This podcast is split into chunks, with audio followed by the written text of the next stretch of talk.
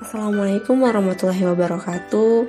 Jumpa lagi bersama aku Umi Hasana dalam Jurnalista UAD Podcast. Sebelumnya aku mau nyapa teman-teman dulu nih Gimana kabarnya hari ini? Semoga dalam keadaan sehat dan baik-baik aja ya. Oke langsung saja. Pada kesempatan kali ini Umi bakalan sedikit sharing terkait self healing Teman-teman pasti sudah sering mendengar istilah self healing, bukan? Nah, secara singkat, self healing adalah proses penyembuhan diri dari kesehatan emosional yang buruk. Self healing juga bisa dikatakan sebagai metode penyembuhan penyakit bukan dengan obat, melainkan penyembuhan melainkan menyembuhkan dan mengeluarkan perasaan serta emosi yang terpendam dalam tubuh. Nah, sebenarnya apa sih tujuan dari healing itu sendiri? Tujuannya adalah untuk memahami diri sendiri, menerima segala bentuk ketidaksempurnaan, dan membentuk pikiran positif dari apa yang telah terjadi. Dengan kata lain, self healing adalah cara membantu menyembuhkan jiwa dan raga. Teman-teman mungkin pernah mengalami kelelahan emosional yang tercermin melalui berbagai bentuk ekspresi Misalnya, cemas terhadap masa depan, gagal meraih impian atau suatu hal, mengalami peristiwa yang tidak diinginkan, atau bahkan marah pada kesalahan diri sendiri. Jika hal tersebut terjadi dalam jangka waktu panjang dan lama, tentunya akan berdampak buruk pada aktivitas sehari-hari serta bisa mengganggu kesehatan mental teman-teman.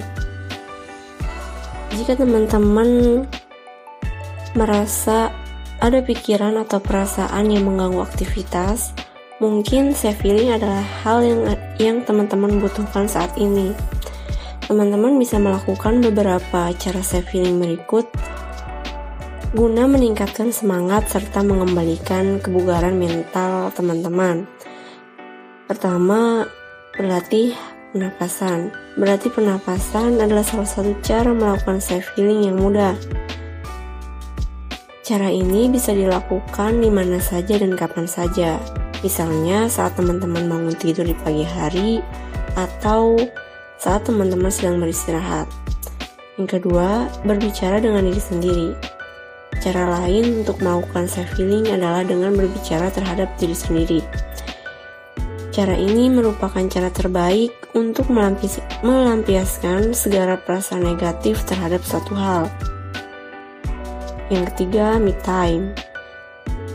Cara yang paling efektif untuk self healing adalah me time. Sesuai artinya, me time adalah kegiatan meluangkan waktu bagi diri sendiri. Waktu tersebut bisa teman-teman habiskan dengan berefleksi atau sekedar melakukan hobi seperti membaca buku, menonton film, jalan-jalan, dan lain sebagainya. Keempat, berdamai dengan keadaan. Kadang pengalaman buruk bisa menjadi bekas di pikiran seseorang. Bisa saja seorang terluka karena hal tersebut. Namun, jika teman-teman mengalami hal tersebut, cobalah untuk berdamai dengan keadaan.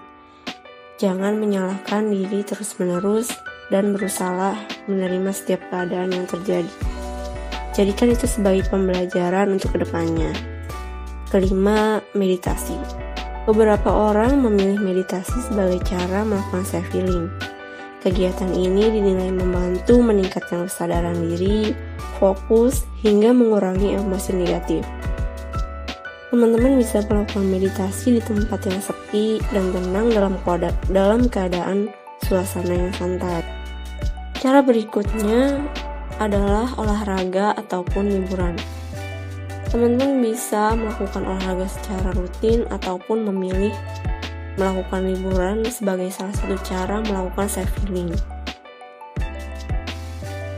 Dan mungkin itu saja apa yang bisa Umi sampaikan terkait self healing dan juga beberapa cara untuk menyembuhkan kondisi mental yang kurang baik. Semoga kita semua selalu dalam keadaan baik-baik saja selalu berpikiran positif guna meningkatkan kesehatan mental diri kita.